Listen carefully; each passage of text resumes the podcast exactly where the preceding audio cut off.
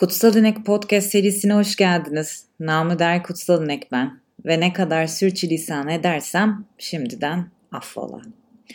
Uzun bir süreden sonra yaptığım ilk kayıt olacak bu. Umarım iyisinizdir. Gerçi iyilik, kötülük, iyiyim, kötüyümden ziyade insanlar nasılsın diye sorduğunda yaşıyorum demek şu anda daha cazip bir e, cevap gibi geliyor bana uzun bir süreden sonraki ilk dönüşün konusu malum hep böyle ulaşmaya çalışıp hep bahsedilen, hep bahsedilen fakat bir ütopik bir kavram olarak kalan, hiçbir zaman ulaşılamayacakmış gibi gözüken mutluluk konusuyla aslında başlamak istiyorum. Nazım Hikmet'in e, şiirinde sonunda bahsettiği, Abidine yazdığı sen mutluluğun resmini yapabilir misin Abidin dediği bir şiiri vardır. Bu şiiri ilk defa okuduğumda ben 11 yaşımdaydım. Hatta e, Abidin Dino'ydu yanlış hatırlamıyorsam.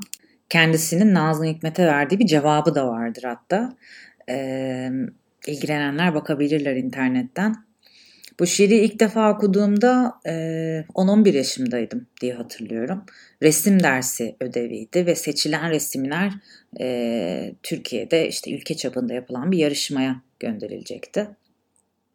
Mutfak masasına geçtim. Boya defterimi çıkarttım.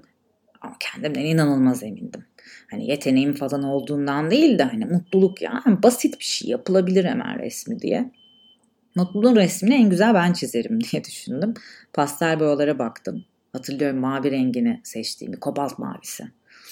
Pastel boya elime aldıktan sonra boş sayfaya bakıp kocaman böyle doldurulmayı bekleyen bir sayfa ama hiçbir şey çizemedim. Kala kaldım. Haciz hissettim. O gün bir bulut çizdiğimi hatırlıyorum. Mavi, böyle bir surata benzeyen. Hani yukarıya gökyüzüne baktığınızda bazen bulutları belli şekillere benzetiriz ya. İşte ben de bir suratı andıran bir bulut çizmiştim. Ertesi gün sınıftaki çocuklarla birbirimize resimlerimizi gösterdik. İşte kırmızı bir araba çizen var. Sarılan ağaçlar çizenler var. Güneş var, deniz çizen var, dijital saat, kol, kol saati o zamanlar böyle çok e, acayip de hesaplamaları falan işte herkes saatiyle yapıyordu. Öyle iPhone, iPhone, telefonlar, akıllı telefonlar falan ve o zaman yoktu. Oo, hayat bayağı çabuk ilerliyor ya. Ya da teknoloji çok hızlı ilerliyor. Her neyse. Kelebek çizen var, ailesini çizen var, işte oyuncak bebek çizen var, prenses çizen var. E, klasik hani bilinen bir ev çizimi oluyor işte. E, kapı iki pencere kıvamında. Onu çizen var. Ben o gün sınıfta ilk beşe bile giremedim. Ağladığımı hatırlıyorum böyle hırslanmış e, küçük bir çocuk gibi. Hani küçük bir çocuktum zaten o zaman. E, fakat bilmiş bir şekilde hocaya da sorduğumu hatırlıyorum. Resim hocasına. Siz biliyor musunuz ki mutluluğun ne olduğunu diye sormuştum. O da bana iyi şeylerin geleceğini, düşündü geleceğini düşünerek yaşamak demişti. Resim dersinden yıllar sonra ben başka bir kelimeyle tanıştım. Bu kelime eudaimonia olarak telaffuz edilen e, kelimeyi sistematik olarak masaya yatıran ilk kişi Aristo'ydu. Eudaimonia tam erdemle uyumlu, ruhun belirli bir faaliyeti anlamına geliyordu. E, aslında yaşam amacı, hayatın nihai amacı anlamına geliyordu. Ve Aristo'ya göre her canlının e, bazılarının doğaları gereği gerçekleştirmeye çalıştığı bir telosu yani bir amacı yani bir nihayeti vardı. İnsansı doğamıza özgü olan akılla uyumlu yaşama yeteneğimizin en efektif kullanıldığı hali düşünün. Akla göre yaşamanın en eksiksiz yolu aslında eudaimonia. Erdemli yaşamak. Arkadaşlık, aşk, adalet, fedakarlık, sabır, doğruluk, yardımseverlik, vicdan ve bunun gibi erdemlerin peşinden giden insan kendi gelişimini sağlarken içinde olduğu koşulları da kabul etmesiyle gelen bir doyumu yaşıyor. Bu doyumun yansıması mutluluk olarak bahsediliyor. Yani eudaimonia. Aslında mutluluktan daha da öte bir kavram. Modern hayat içerisinde bu kelimelerin e, mutluluk getirdiğini söyleyebilecek az insan var. Yani bu kelimeler derken vicdan, yardımseverlik, fedakarlık, sabır, doğruluk, arkadaşlık, aşk bunlardan bahsediyorum. Genelde sokakta bir insana bunu söyleseniz işte bakın bu kelimelerle mutluluk gelecek. Ya hadi ya oradan. Kaç kere e, isyan ettik, kaç kere aldatıldık diye e, bütün o mağduriyetten başlayıp aslında bunları kesinlikle inkar edecektir. E, zira modern insan mutluluğu çabuk ister. E, fakat bilmez ki bu erdemleri elde etmek birçok olay ile yüz yüze gelmek, değişmek ve kendini geliştirmekle alakalıdır. Bir insan yardımseverlik, doğruluk, dürüstlük, fedakarlık gibi şeyleri tek seferde öğrenmez. Veya kanında işlenmiş olarak da gelmez bunlar. İnsan dervişin nedense senelerde, seneler boyunca çölde gezindiğine anlam veremez. Anlam veremese bile dervişlerin sözlerini bilmeden tekrarlar. Mutluluk için tekrarlar. Erdemli toplumun arayışı, insanın erdemleri elde etmek adına gerekli şeyleri yapmaması ile son bulmaya başlar.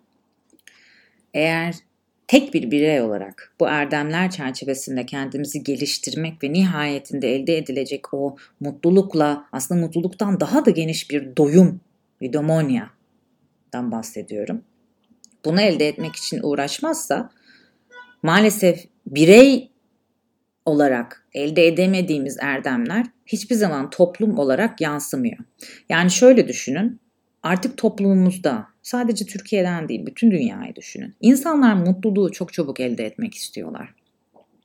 Biz birey bazında mutluluğu çok çabuk elde etmeye çalışırsak eğer ki bunu yapıyoruz zaten.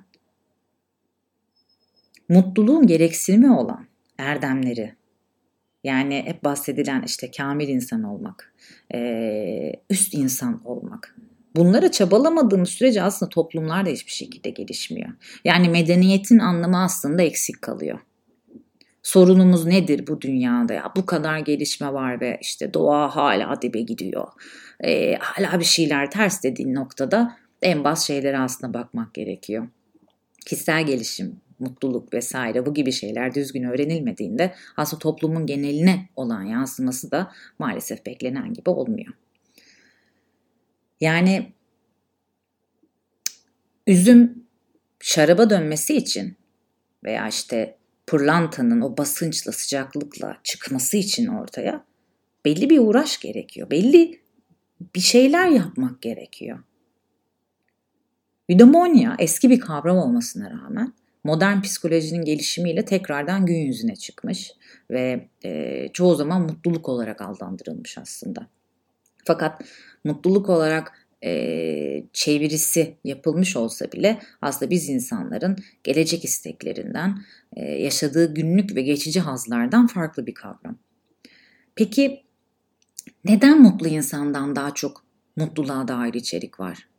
Gerçekten etrafınıza bakın, e, ne bileyim haberlere bakın, haberlere bakın demeyeceğim yani çünkü hiçbir haber sayfasında gerçekten dürüst, normal, gerçek bir habercilik yok. Sağ solu ortası fark etmez.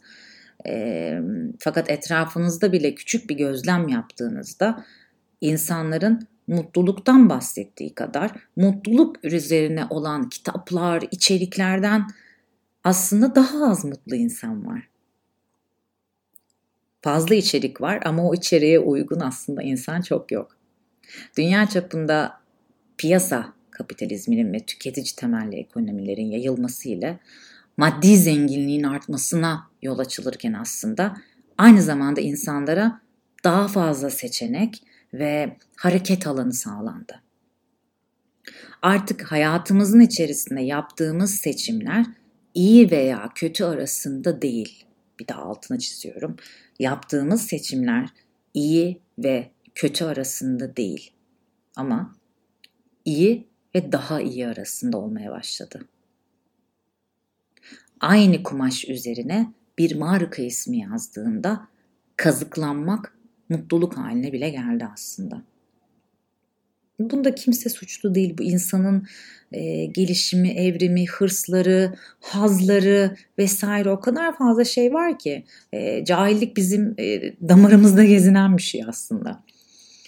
Kabul edilmesi gereken bir gerçek olarak aslında bunların bütün içerisinde de geleneksel rehberlik ve inanç kaynakları zayıfladı.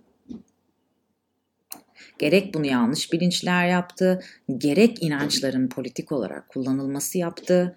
E, artık insanın kendi farkındalığı, kendi ürettiği teknolojinin arkasından ilerleyen bir kaplumbağa olmaya başladı. Buna inançları da dahil. Bu hayatta neyin peşine gerçekten düşülmesi gerektiği sorusu cevapsız kaldı artık. Ve insan madde yani materyalist yaşamı ve elde ettiği ilerlemeleri sevse bile onun mutluluk üretme kapasitesi karşısında hayal kırıklığına uğradı. Bu belki de kaçınılmazdı. Yani şöyle bir hal aldı aslında her şey. Mutluluğu aramak, karanlık bir gökyüzünde yıldızları göremeyen insanın karanlık bir odada siyah bir kedi arama çabasına döndü aslında. Mutluluk tanımları oturtulmaya çalışıldıkça aslında mutluluğun öznel bir deneyim olduğu maalesef unutuldu. Mutluluk isteklere göre şekillenmeye başladı. Sağlık yok ise sağlıklı olma hali mutluluktu. Veya eş yoksa evlenme hali mutluluktu. Mutluluk genellikle hep bir ötekinde aranmaya başlandı. Hep bir diğerinde aranmaya başlandı. Yani bir sonraki iş, işte alınacak bir sonraki şey, yazılacak bir sonraki eğitim, e, görülecek bir sonraki şehir, bir sonraki yıl, bir sonraki sevgili, bir sonraki tatil, işte başımıza gelebilecek veya bir sonraki dönüm noktası atıyorum. Mezuniyet, yeni bir iş, evlenme veya doğum gibi dönüm noktaları. Halbuki hiçbiri değildi mutluluk. Çünkü hepsi madde ve madde hayatına dahildi. Ruh, madde hayatında acı ve aşkı aynı anda, aynı yerde demleyen bir çaydanlıkken, sadece iyi olanı mutluluk ile tanımlamaya başladık. İllüzyon perdesini aralamalı işte mutluluğa bakmak için. Mutluluk hayatın anlamı sorunsalı ile çok çok yakından ilişkili anlamsızlıkla ilişkili. Anlam aramakla ilişkili. Ki anlamsızlık kitlelerin nevrozu. Anlamını, hayatın amaç anlamını bulamayan kitlelerin aslında en büyük yaşadığı bir nevroz bu. Anlam ancak perde inmiş gözlerin akıl ve vicdan gözüyle görebilmesi anına bağlı. Şimdi mutluluk ise bunun ardından başa gelen iyi ve kötü olaylar karşısında aldığın kararları sahiplenmek ve onlarla yüzleşebilmek cesaretine sahip olmak ile gelen deneyimlerin aslında bütünü. Küçücük bir kelime gibi görünüyor ama çok saptırdığımız bir kelime anlamına. Halbuki bizim mutluluk ve mutsuzluk kelimelerini tanımlama çabamız aslında hep geçici olan şeylerle alakalı bir de. Daha çok hazdan yana taraf şeyler. Peki sana soruyorum dinleyen. Mutluluğun vaadi nedir? Mutluluk denilen kelimenin sana asıl vaadi topladığın erdemler ve hayattan dönüştürdüklerin ile gerçek dediğimiz işte hakikat perdesini aralama şansıdır. Hakikat doğru veya yanlış değil. Sadece gerçek. Gerçek gözlemleyebilene, bakabilene, erdemlerini yetiştirmiş kişiye aslında saadeti getirir. Bu yüzden hakikat nadiren konuşulur ve hiç duyulmaz. Ondan çok bahsedilmez. Belki sert, belki ağır, belki de hadsiz bir cümle olacak ama mutluluk herkesin harcı değildir. Mutluluk çaba gerektirir. Bunların bütün arasında da hakikatten işte çok bahsedilmez. Asıl saadet, aslında hakikatle yüzleşmekle gelen bir şey. Çünkü hazır olmayan kişi hakikatin karşısında kör olur. Kaldıramaz. Hep bu vaktinden önce gelmeyen e, uyanışlar hakkında önceki bölümlerde vardı. Gerçekten hiçbir insan vakti gelmeden uyanmaz ve uyandırılmaması gerekir. Kişi dünyaya ait yargılarını kenara bırakmadan eğer böyle sübjektif atıflarından sıyrılamaz ise zaten bu sebeple anı da anda yaşayamaz. Anı an gibi yaşayamayan kişi erdemlerini biriktiremez. E biriktiremez ise yaşadığı anları anlayamaz. Ve hayatı mutlu ve mutsuza sığdırmaya çalışır. Gerçeği görebilmek zordur. Ve görebilenler ve sonrasında kabul edenler, edebilenler azınlıktadır. Bu yüzden saadet kavramı aslında en pahalı birimdir. Ve bu yüzdendir ki saadet yani günümüzün mutluluk kelimesi para ile satın alınamaz. Çünkü çok pahalıdır. Çünkü uğraşı çoktur mutluluğun genel ruha ve dolayısıyla yaşama yayılmış hali ve haline saadet yani huzur hissi denir. Gazali kalbin lezzetinin ve en yüksek saadetin marifetle olduğuna dikkat çeker. Marifet ilimlerin en üstüdür ve marifetli olmak aslında çok pahalı bir şeydir. İnsanın gelişimi, deneyimlerin dönüştürülmesiyle pekişen, erdemler ile gelen bir marifetler bütünüdür.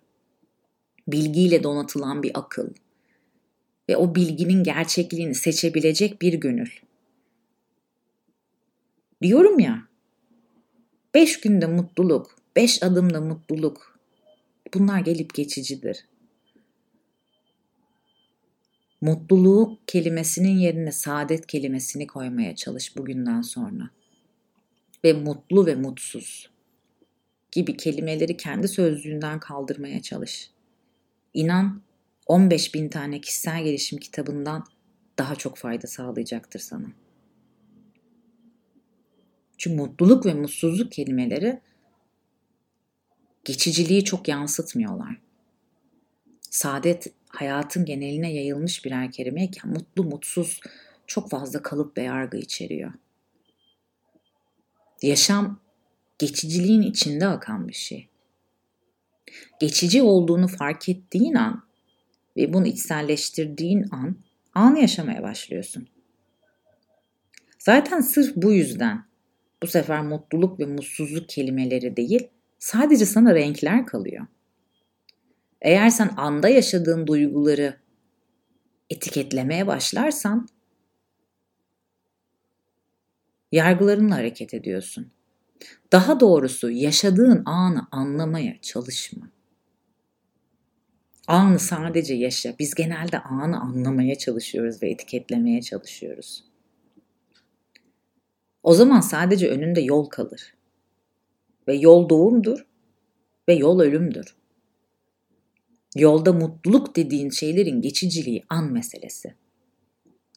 Fakat bu geçiciliği fark etmek ve bunu fark etmek demek ölümden de aslında geçebilmek.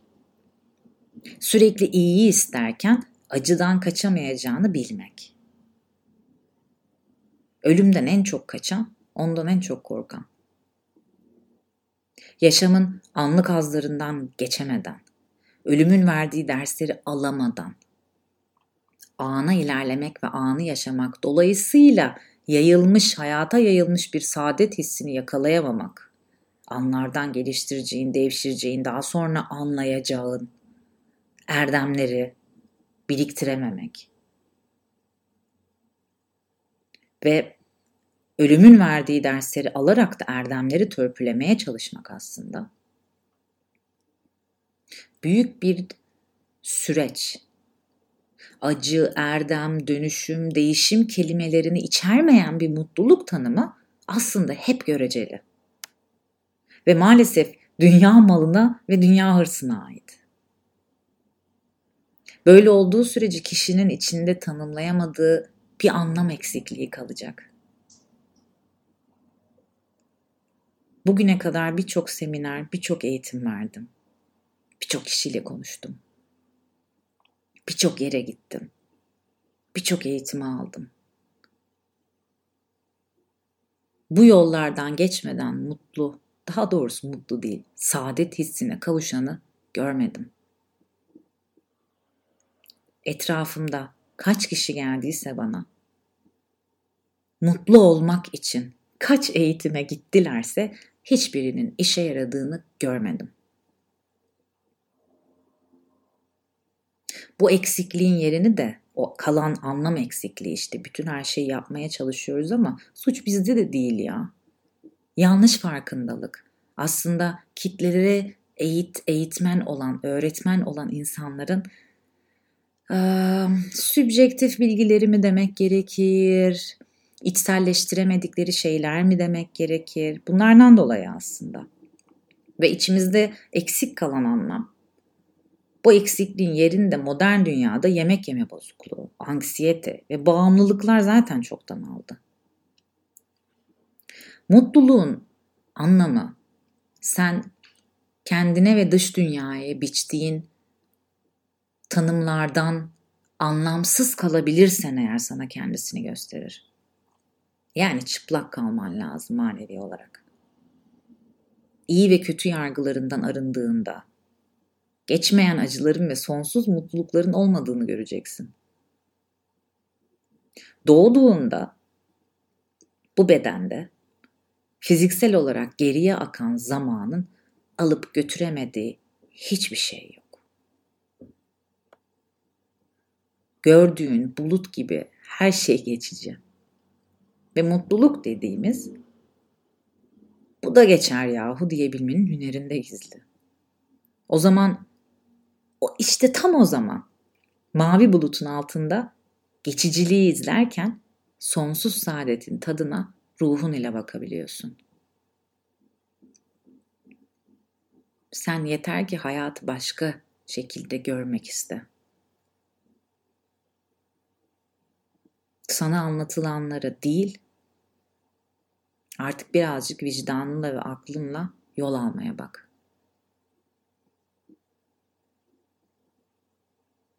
Bir sonraki podcast'te, bir sonraki bölümde görüşmek üzere.